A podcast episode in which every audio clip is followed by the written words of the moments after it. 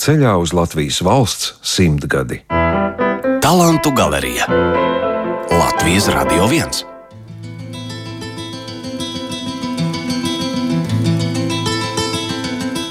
Ir pienācis laiks talantu galerijai, studijā Inte Zēgnere, un šoreiz mūsu viesis ir vēstures zinātņu doktors, Latvijas Universitātes vēstures un filozofijas fakultātes profesors Harijs Tumans.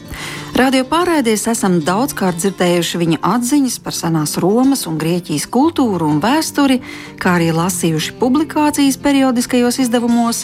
Pirms trījiem gadiem klajā nāca profesora sarakstītā apjomīgā monogrāfija Varoņi un varonība senajā Grieķijā, kas ir pirmais šāda tipa oriģināla pētījums latviešu valodā. Klausoties Harija Tumana aizrautīgo stāstījumu par šo tik seno pagātni, nepārprotami rodas sajūta, ka viņš spēj šo vēsturi padarīt tik dzīvu, it kā pats būtu piedalījies tālajos tā laika notikumos un dzīvojis šīs senās kultūras vidē. Antīkā laika izpēte un seno tekstu tulkošana no latīņu un sengrieķu valodām ir nevien viņa darbs un profesija, bet arī viņa aicinājums. Harī, jūs esat vēstures doktors un Latvijas Universitātes vēstures un filozofijas fakultātes profesors, kā sākās jūsu aizraušanās ar vēsturi? Vai tas tiešām jau no mazām dienām? Jūs esat meklējis vēsturiskus avotus, pasaku grāmatās. Ar vēsturi aizrāvos laikam kā no bērnības. Nu, atceros vēl kaut kādā, nezinu, 4. 5. klasē, vai nu, tas bija vēl bērns, no jau mācījos skolā. Man ļoti eh, piesaistīja viduslaika un bruņinieki. À, nu jā, protams, tad es lasīju trīs muskatierus, jā, pēc tam kaut kādu Valteru Skotu, un tad es sāku fanot par bruņiniekiem un muskatieriem un tam līdzīgi. Un, un tad es sacēros ļoti lielu iespēju atstājis man filmā Kleopatra. Laikam es reiz trīs šo filmu pat esmu skatījies. Tad man tas arī radās interesi. Un tad es atceros, ka es skolā klādē sāku zīmēt grieķu karavīrus, grieķu hoplitus, romiešu legionārus, bruņiniekus, protams, un tā tas man laikam arī gāja. Bet par seno Grieķiju es sāku interesēties un aizrāvos ar to, tad, kad es biju pabeidzis Sevastopolētas un arī dziļie padomu laiki. Tur mēs ciemojamies pie vecāku paziņām, no kādiem cilvēkiem, kas dzīvoja netālu no Helsones. Ja? Proti, tā ir Sengrīķa pilsēta, Melnas jūras piekrastē, Krīmā. Un tur bija tiešām kāds minūtes pieci ar kājām līdz tā vieta, un tur jūra gājām peldēties. Man palika interesanti nu, par tām drupām, kas tas ir. Jāsāk staigāt, sāk zīmēt tas drupas. Jā, tad vietējais stāstīja, ka pēc vētrām, pēc lietiem viņi tur uz vietas atrodot grieķu monētas. Un es arī, protams, sāku meklēt monētas. Ja? Tad atceros un piekopu tādu nešķīstību, ka uh, vakaros pēcpusdienās, kad arheologi ir prom, es gāju ar mazo bērnu lāpstiņu izrakuma vietas, un tad traku palīdzēju viņam. Es raku dziļāk, nu meklēt tas monētas. Nu, neviens monētas tā arī netradu. Teikšu godīgi, toties atved mājās veselu maisu ar uh, antīkām keramikas lauskām. Nu, protams, tas nekas sevišķi vērtīgs zinātnē nav. Es zinātnē sevišķi nesmu aplaupījis, bet uh, toties tas lauks, kas man ļoti iedvesmoja. Viena otra lauska bija redzams kaut kāds zīmējums, lakas fragments, jā, kaut kāds ornamentu fragments, un tā, tāda atsevišķa kabeliņa, kas man ļoti iedvesmoja. Un laikam tad es arī sāku aizrauties ar senu Grieķiju. Un pagāja vēl vairāki gadi, vēl daudz gadus, kad pabeidzu skolu. Un tad man bija jāizvēlas, ko es darīšu, kur es iešu. Un tad kaut kā jau nebija ilgi jādomā. Tad gāju uz vēstures fakultāti. Jā. Nu, bija alternatīvas, tā kā vēl par domā, varbūt mākslās akadēmijā stāties. Bija aizraušanās, gāju pat uz sagatavošanas kursiem. Nu, tur kaut kā vajag. Uz mākslas vēsturniekiem? Nē, nē, nē, nē. uz. Glaznotājiem? Nu, jā, jā, es tā, tā biju tā, iedomājies, ja ka es kaut ko protu. Nu, laikam, pasniedzējiem nebija spožas domas par manu talantu. Laikam, nekāds tur ģēnijs nebija. Kaut ko es tur zīmēju un kaut ko gleznoju, jā, un man pat mājās ir tā laika darbi. Kaut ko pratu, varbūt arī tagad pat protu, nezinu, kaut ko uzzīmēt un varbūt uzgleznot, nu, bet tādā vienkārši līmenī pavisam. Un tad es sapratu, ka nu, laikam, tomēr vēsture man vairāk interesē, un tad sāku nodarboties ar vēsturi. Jā.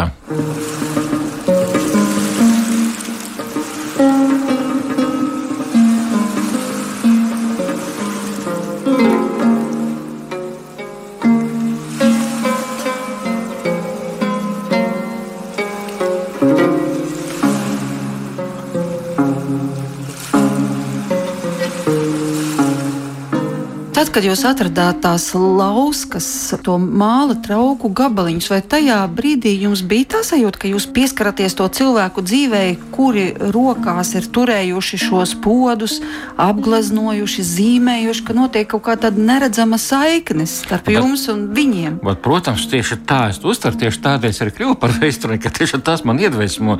Ja tas tā nebūtu bijis, es domāju, nu, kas ir tāds, tāds lauskas, nu, paskatās un izmet un iet tālāk. Ja?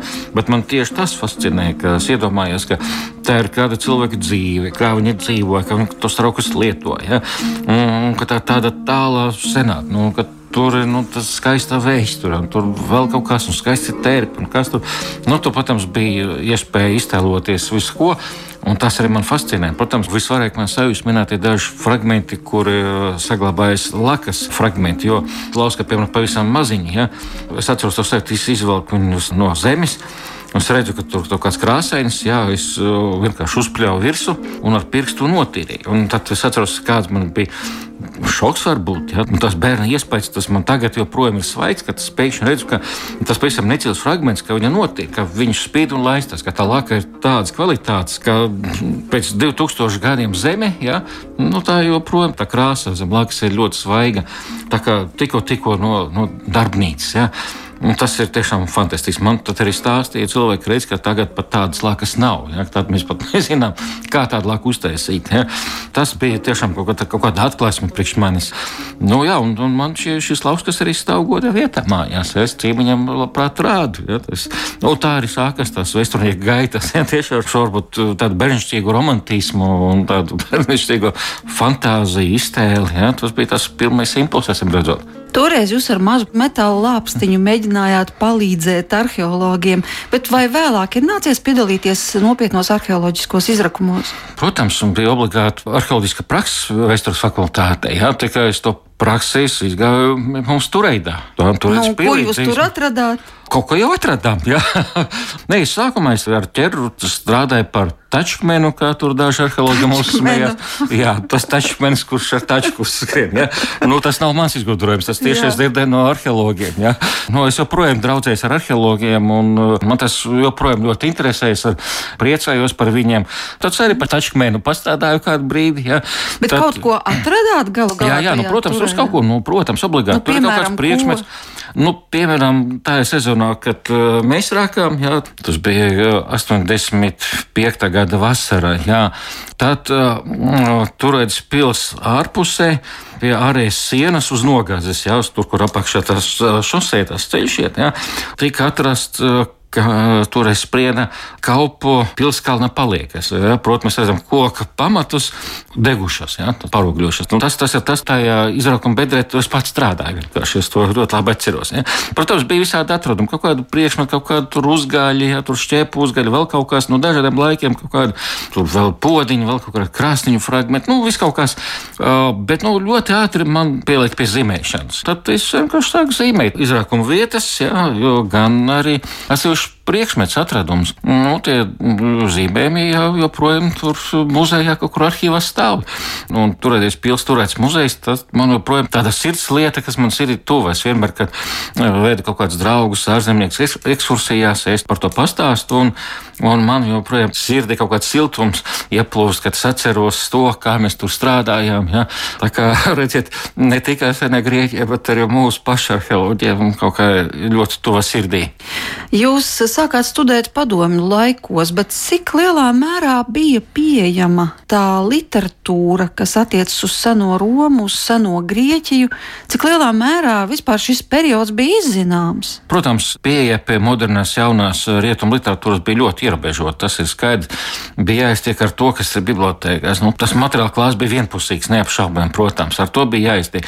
Bet tā jau nebija tā lielākā problēma. Jā, lielākā problēma bija nu, tā ideoloģija. Jā. Tur atcerieties, tur visu laiku taču vēsturniekam nācās atsaukties uz marksismu, lenismu klasikiem un rakstīt, skatoties caur šķirīsko pieeju. Stāstīt, tas ir viens no iemesliem, kādēļ es jau tad studiju laikā sapratu, ka es gribu rakstīt par seno Grieķiju. Un mans pirmais kursa darbs bija tas tieši par Helsonis. Tad ar to varēja strādāt. Un, un tur nevajadzēja šķirisku pieeju. Vajadzēja šķirisku pieeju, vienalga vajadzēja, bet runāt par seniem laikiem, nu, to varēja minimizēt. Un viss, līdz ar to tas, protams, daudz brīvāk nekā rakstīt par 20. gadsimtu, kur nu, tikai šķiriska pieeja.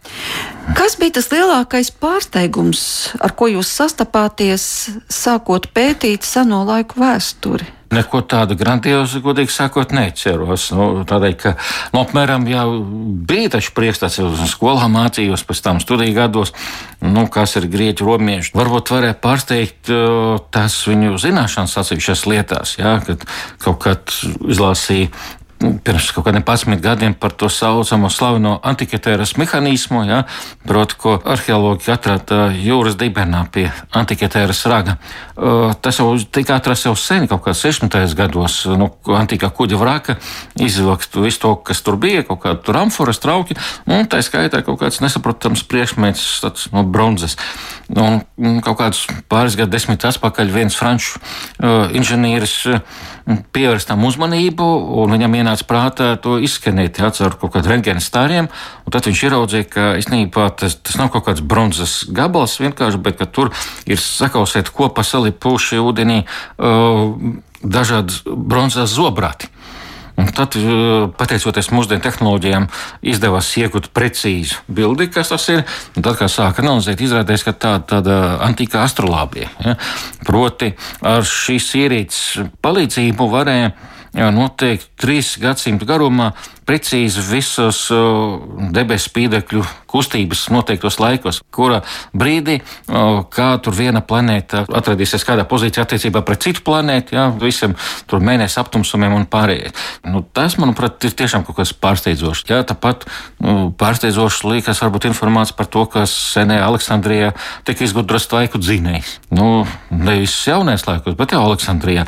Tikai tas, protams, nekalpoja kaut kādam tur biznesa vajadzībām, nekāda fabrikā nebija, bet tas vajag zināt, strādāja, ka tāda izklaidē Ptolemāju galma, ja, kur varēja parādīt, ka redz, tur kaut kāda dūmi kūp, ja, un kaut kas tur tas slodzi griežas, tvaiks šeit ārā, ja, un griežas, un viņš, un tad viss varēja papriecāties, un es kādu spēļu mantiņu interesanti. Un grieķi to gan neizmantoja praktiskam nolūkam, Nevis tādēļ, ka viņi bija dumji, viņiem pietrūka smadzeņu to praktiski izmantot, bet tieši tādēļ, ka viņi to negribēja darīt. Ja? Un tas var būt vislielākais pārsteigums ne tādā pierasta nozīmē, bet tas, kas man liekas svarīgākais runāt par šo kultūru, proti saprast, kā cilvēki domāja. Jo aiz visiem kultūras faktiem stāv domāšana. Ja, tā ir mana tēze, ja, kuru tad, kad es pabeidzu studijas un sāku pats rakstīt tekstus, kurus sāku attīstīt. Ja, un tas tieši sakrit ar laiku, kad padomju sistēma sabruka, paldies Dievam, radās iespēja brīvi domāt, brīvi rakstīt, aizbraukt uz Eiropu, pastrādāt ārzemju bibliotekās, un tad pasaule pavērās vaļā. Es iegūstu informāciju, un tad es izvēlējos sev to virzienu, kā es strādāšu. Un līdz šim brīdim es uzskatu, ka svarīgākais runāt par vēsturi, ja mēs gribam saprast vēsturi, ir saprast, ka te cilvēki domājuši, saprast viņa motivāciju. Nepietiek tikai ar to, ka mēs tos vēstures faktus saskaitām. Protams, tas ir pirmais, ko vēsturnieks dara. Viņš faktus vāc, pārbauda, verificē, jā, pēc tam, protams, katalogizē. Bet, ja mēs paliekam tikai pie tā, bieži vien mēs šodien paliekam pie tā, nu, tad nu, rodas jautājums, kam, ko mums dod šīs faktu katalogs, šie noliktā. Ja? Un es uzskatu, ka vēsture nav faktu nolikta. Vēsture ir jāskaidro, vajadzīga interpretācija. Jāsaprot, ja, ko šie fakti nozīmē kopā kopējā vēstures procesā. Un uh, tad, lai mēs saprastu, Tad ir svarīgi ievērot galveno principu. Proti, jāsaprot, ka mēs nedrīkstam projicēt mūsdienu domāšanu uz pagātni. Un ar saviem šodienas stereotipiem, šabloniem, uzskatiem tagad vērtēt to, ko darījuši tie paši grieķi vai romieši.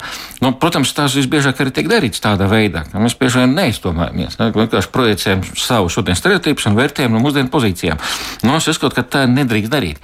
Un sena laika jāpēta un vispār citu laikmetu cilvēku jāpēta aizmirstot par sevi. Protams, nu, nu, mums šodien ir tāda uzskata. Mēs šodien redzam pasauli tā, bet mums jāsaprot, ka tie cilvēki saprot pasauli savādāk un redzē to savādāk. Un, ja tu gribi saprast, kāpēc viņi rīkojas tieši tā, nevis citādi, tad tev jāsaprot. Kas tad bija viņa galvās? Ja? Jo domāšana nosaka visu, ko cilvēks dara. Un līdz ar to es uzskatu, ka vēsture jāinterpretē, tad, tad izējot no šī skatu punkta, no tā, lai cilvēku domāšanas viedokļa, no tā laika mentalitātes. Un līdz ar to vispirms jāsaprot viņa pasaules uzskats, viņa vērtību sistēma. Un tikai tad, kad tu to saproti, tad tu vari interpretēt arī faktus, notikumus. Un tas ir tas, ko es arī cenšos darīt. Interpretēt vēsturi, izējot no tā laika mentāliem apstākļiem. Nu, protams, ar piebildi, ka simtprocentīgi mēs to izdarīt nevaram, tādēļ, ka mums daudz kas ir zudis, īpaši runājot par seniem laikiem. Bet tā kā mūsu rīcībā ir teksti, ir mākslas darbi, ir arheoloģiski artefakti, Tas viss ir teksts, kas runā, jāprot lasīt, un ar to mums jāmēģina rekonstruēt viņu pasaules uzskats. Un tagad atgriežoties pie šī tvaika, tā, tā tvaika aparāta, pie tā -hmm. mehānisma, ja, tad nu, šeit arī slēpjas tā atbilde ja, uz to, kāpēc tā viņi uh, neraužo netaisīja fabrikas. Tādēļ, ka viņu pasaules uzskatā pirmkārt cilvēks nedrīkstēja darīt pāri dabai. Izvarot dabu nedrīkstēja. Tikai tad, kad cilvēks sāk mainīt savu attieksmi pret dabu un sāk uztvert dabu kā darbnīcu, 19. gadsimta lozungs, ja? daba nav sveitnīca, bet darbnīca bija tāds sauklis. Ja? Nu, tad kā darbnīca, tad lūdzu, tad mēs, kas saka, piedurknēs augšā, ja? Mm -hmm. uz, ja? un uz priekšu. Un tagad, nu, tad kā jau darbnīcā mums te ir kaut kāda atkritumi, kaut kāds šmuce, kaut kas vēl kaut kas, ja? mēs ražojam un tā tālāk. Ja? Nu, Grieķiem tas nebija pieņemams daba pilna ar dieviem, visādas nu, nimfas un gari un vēl kaut kas. Daba ir dzīva, ja? daba ir skaista, daba ir kosmos. To drīkst tikai apbrīnot, pētīt, lai saprastu, bet nevis pārveidot. Un, protams, pats par sevi saprotams, viņiem likās nepieņēmami iegūt kaut kādus labumus no tā priekš sevis. Ja? Tas skaitījās tas sliktākais, kas var būt. Ja? Jo cilvēki uzskatīja, ka dabu saprast, izpētīt, un viņi, kā mēs zinām, ļoti daudz ko saprat no dabas. Viņi pētīja to dabu, nevis ar mērķi to pēc tam izmantot un gūt kādu labumu, jo tas ir plebē, tas ir zemiska cilvēka uzstādījums, tā uzskatīja Grieķi. Ja? Nu, vienkārši visur meklēt savu labumu bet izpētīt un saprast, lai vienkārši apbrinotu to pasauli. Kosmos, pasaule grieķu valodā, kosmos ir kārtība. Pasaulē valda apbrīnojama kārtība. Šo kārtību saprast un apbrīnot, tas ir tas, ar ko var cilvēks lepoties, par ko, ko, par ko viņš var sevi cienīt un par ko viņi citi var cienīt un apbrīnot. Cienījams ir tikai tas, ko tu dari kā brīvs cilvēks brīvā laikā savam priekam. Ja tu dari kaut ko, lai saņemtu naudu, tu esi algāds. Un tas ir sliktāk kā vergs grieķu apziņā, starp citu. Ja? Brīvs cilvēks ir tas, kas nepardodas. Tas, kas nestrādā kādu darbu. Nu, kāds var būt brīvs cilvēks, kas strādā kādu darbu? Kāda tur ir brīvība? Nu, mēs taču saprotam, mēs visi esam algot cilvēki. Jā, līdz ar to mūsdienu brīvajā pasaulē uh, mēs atradīsim mazāk brīvu cilvēku nekā vienā tādā polisā. Jā. Tātad šeit definitīvi brīvais cilvēks ir tas zemnieks, kurš pats sevi uztur. Tu pats sevi baro un tu pats aizstāvi savu dzimteni. Tev ir ko zaudēt, tev ir zeme. Līdz ar to sākotnēji pirmais gadsimtos, kad pastāvēja grieķu kultūra, amatnieks, piemēram, nevarēja būt e, pilsonis. Ja? Daudzās valstīs bija aizliegums. Nu, tad, viņš ir tāds, te viņš ir, te viņa nav. Jā, viņam nauda svarīgāk par visu. Kā ksenofons rakstīja, mēs varam nolikt vienā pusē cilvēks, kas ir amatnieks, otrā pusē zemnieks. Un pateikt, nu, tu esi ienaidnieks. Kurš tagad būs gatavs aizstāvēt dzimteni? Protams, ka zemnieki. Viņam ir zeme, ir ko zaudēt. Amatnieks savukārt. Nu, nu, viņš var savu naudu un savus instrumentus savākt un aizbraukt uz citu pilsētu. Ja? Protams, ar laiku tas viss mainījās. Dzīve mm. mainījās, un grieķi paši kļuva par naudas vergiem. Bet nu, pamatustādījums ir tas, ja? brīvs ir tas, kas nepārdodas. Ja tu dari kaut ko par samāks, un tas ir sliktākais, kas ar tevi var būt. Atkārtoju, vergas status pats ir labāks. Tādēļ, ka vergu pielādzināt, teiksim, maidzīvniekam. Aristotelis teica, ka vergs ir runājuši darbarīgs. Ja? Ko tas nozīmē? Ka nu, jebkurš normāls saimnieks rūpēs par savu maidzīvnieku, tas ir zirgs vai vēl kaut kāds. Ja? Tātad jābaro, jākop, jāmazgā, jātīra, jāārstē, jā, jānodrošina jums tā tālāk. Ja? Verga īpašniekam tas pats. Un uz ar to šeit dzīve būtne, A, kas ir algādis. Faktiski viņš ir nedzīvo priekšmetu statusā. Mēs šodien sākam preci darba tirgu. Prece ir nedzīva. Tātad es to maksāšu 300-400 eiro, Un man absolūti neinteresē, vai tu vari sev nopirkt visu, ko tev vajag, tur apģērbt, aiziet pie ārsta, vēl kaut ko. Nepatīk. Ārā vēl cits būs tāds pats. Ja? Tad, tad tu neesi dzīve būtne. Man pilnīgi vienalga, kas ar tevi notiek. Man nekādas atbildības nav. Ja? A, par vergu ir atbildība. Bet nu, tas tā, tas ir abi, abi gadījumi grieķiem ir nicināmi. Tātad normāls brīvs cilvēks ir pilsonis, kas sevi pats uztur un pats sargā savu dzimtu. Tātad brīvība kas ir neatkarīga no svešas vāras, un apziņā, ja, ka tu esi pilsonis, kas kalpo savai dzimtenei. Jūs tikko minējāt seno grieķu un romiešu domāšanu un mentalitāti, un cik tā svarīga, bet tagad ieklausīsimies, ko par jūsu vēsturnieku mentalitāti ir sacījis viens no jūsu kolēģiem, Latvijas Universitātes vēstures un filozofijas fakultātes asociētais profesors Andris Levāns. Es domāju, ka man ir paveicies, ka es pazīstu Hariju, un pie tam es pazīstu Hariju jau 30 gadus. Un, uh, Godīgi sakot, varbūt ne kā kolēģis sākumā, bet vienkārši kā cilvēku, kurš ir studējis tieši to pašu, ko es, proti, vēsturi. Un ka mums ir vienmēr bijis par ko runāt, ka mēs esam Rīgā satikušies. Harijs ir ļoti, ļoti interesants sarunbiedrs. Un es domāju, ka studentiem, kuriem ir laime Harija lekcijas klausīties, ja ne tagad, tad noteikti pēc gadiem atcerēsies un teiks, jā, viņiem ir arī paveicies dzīvē, ka viņi ir satikuši tādu cilvēku kā Harija un varējuši klausīties, kā viņš dalās ar viņiem savā zināšanās par antīko kultūru, antīko pasauli, antīko literatūru. Harijs Tumans kolēģis.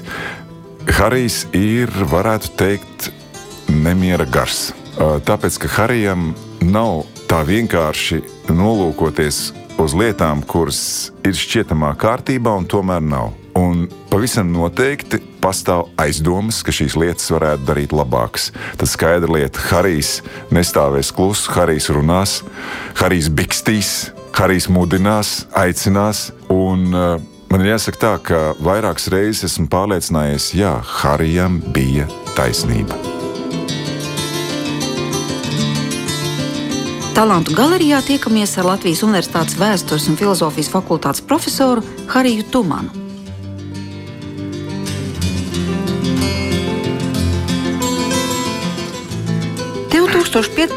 gadā klajā nāca ļoti apjomīga jūsu grāmata Varoņi un varonība senajā Grieķijā, turpat 900 lapuses. Kāpēc jūs šai tēmai pievērsāties? Kāpēc tieši varonība? Laikam tādēļ, ka es mēģināju ieraudzīt kaut kādu vienu tādu motīvu, kas iet cauri visiem Grieķijas vēstures laikmetiem. Pirmā grāmata man bija par demokrātiju, demokrātijas tapšanu Atēnās, un tā tas laikam jau sataustīja. Ja? Kas ir grieķu kultūras pamats? Tas ir varoņu ideāls, kas ir Homera eposā. Un tad kaut kā dabiski, ka man pēc tam gribēja šo tēmu padziļināt, attīstīt un saprast. Nu, tad sapratu, ka principā visā Grieķijas vēsturē mēs redzam neko citu kā šī ideāla vēsture. Ja, kas ar šo ideālu notiek? Tas ir ideāls, kaut kādā brīdī tas pārsteidz būt ideāls. Un tad man liekas, nu, interesanti, jā, tas laikam ir tas, vajadzētu šito izpētīt.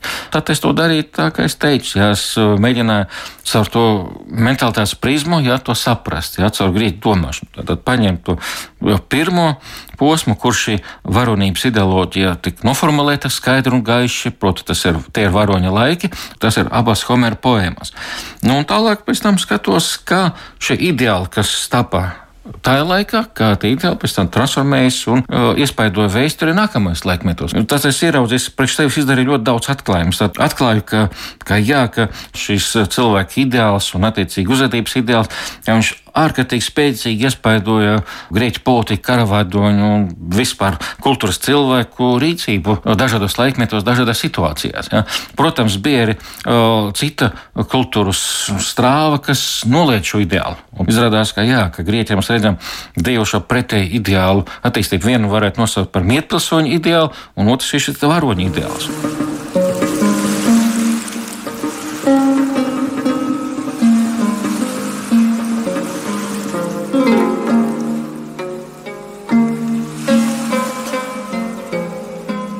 Harijs Tumans, eh, kā dižens zinātnieks un uh, antīkās pasaules pazinējs, līdzīgi daudziem citiem savos lielākajos darbos, un es šoreiz domāju, viņa biezo grāmatu varoņu un varonību senajā Grieķijā. Caur saviem varoņiem parāda pats sevi. Un, uh, lasot šo grāmatu, tur ir tāds ļoti interesants uh, varonis Alkibijāts. E, kurš ir uzticīgs līdz nāvei savai varonībai, sev pašiem, saviem principiem un ideāliem. Un viņš ir tāds uh, aizdejošās pasaules aizstāvis, tāda harizmātiska personība. Un man liekas, ka uh, Harijs Tumans arī ir tāds varonis. Viņš ir tāds mierīgs, neitrāls, ārēji, bet patiesībā sakot, viņa dzīves un uh, ideāla kritērija ir piederīgi iepriekšējā gadsimta ideāliem. Un tie ir fundamentāli, tādi pamatīgi ideāli, uh, un man liekas, ka Harijs ir tāds pamatīgs senu laiku varonis. Bet te pašā laikā es gribētu arī ko teikt, ko citu ka viņš uzrakstīja savu kandidātu disertāciju, toreiz viņa tā saucās. Es biju ļoti pārsteigts par to, ka viņš viens pats Pēterburgā bija atklājis precīzi to pašu, ko mēs, tādu trīs cilvēku grupu, bijām izstrādājuši tādu sistēmu par uh, reliģijas un valsts un politikas mijiedarbību. Un precīzi pašu viņš bija atradis uh, strādādams viens. Nu, svarīgi teikt, ka tas ir ģeniāls pētnieks. Un pie tā viedokļa es pieturos arī šodien. Nu, pat dzirdējām, ko par jums sacīja Latvijas Universitātes Humanitāro zinātņu fakultātes Āzijas studiju nodaļas profesors Leons Taivāns. Bet vai arī tagad jūs strādājat pie kādas grāmatas? Nu, tagad, jā, protams, visu laiku pie kaut kā strādā. Jā, protams, attiecībā uz senu Grieķijas rakstu kaut kādas publikācijas, bet nu, grāmata man tagad top viena jau par antīkiem tēliem Rīgas ielās. Proti, tie antīki tēli, kas ir redzami Rīgas arhitektūrā. Vai tādu ir daudz? Nu, tādu ir tik daudz, ka es nekad nevaru pabeigt šo grāmatu. Ja. Nu, protams, arī jāsaka, slodzi pārāk liela, nav laika. Ja. Gaidu tagad ziemu, brīvlaiku, kad atkal varēšu turpināt to darbu. Līdz ar to tas darbs ir lēni, bet iet, un tas ir izrādījies daudz grūtāks nekā man sākumā likās. Bet, kad es sāku rakstīt, es saprotu, ka jā, tas ir daudz, daudz nopietnāk un daudz vairāk uh, nianšu un aspektu. Nu, protams, nekā 900 lapus vairs nebūs. Tas uzreiz var nomierināt, ka nu, labi, pāris simts lapus būs. Tas ļoti daudz ilustrāciju, jo nu, te ir konkrēti tēli, ko mēs redzam visapkārt. Piemēram, nu, tepat iziet ārā no šīs radio ēkas un paskatieties uz to, kas ir attēlots uz uh, fasādes, uz frontona. Ja? Tas divas skalfigūras, vīrieši un sievietes un tas uzreiz ir antikie tēli, alegorijas. Tur uzreiz ir sava jēga, jābūt tikai lasīt. Un kāda tad ir tā jēga? Nu, tas ir grāmata, tas būs rakstīts. Jā, jā pagaidi, kamēr iznāks grāmata. Jā, jā, jā tas ir. Nu, un, un tāpat, tātad, sākot šeit no doma laukuma, sākot, mēs varam iet, ja kurā virzienā gribam, mēs redzēsim šos tēlus. Nu, te jāprot lasīt, tad jāzina tā antīka kultūra, un es tad arī cenšos caur šo antīku kultūru parādīt mums Rīgu no jauna. Tā kā es ceru, ka nu, vēl kaut kā es to pabeigšu, un tad es padalīšos ar visiem. Pilnīgi tā ir jauna pilsēta. Es skatos uz Rīgā citam acīm, un es mm, gribu to parādīt arī citiem, lai citi arī atklāj priekš sevis Rīgu no jauna. Talantu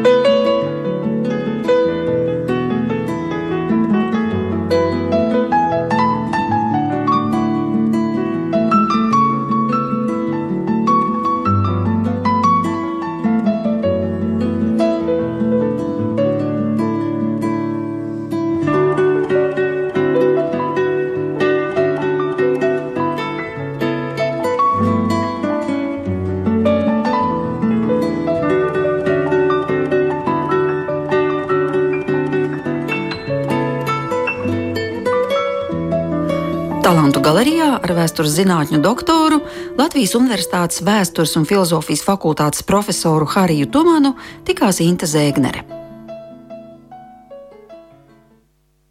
Izskanēja Latvijas valsts simtgades programmas raidījums. Talantu galerija Latvijas Radio 1.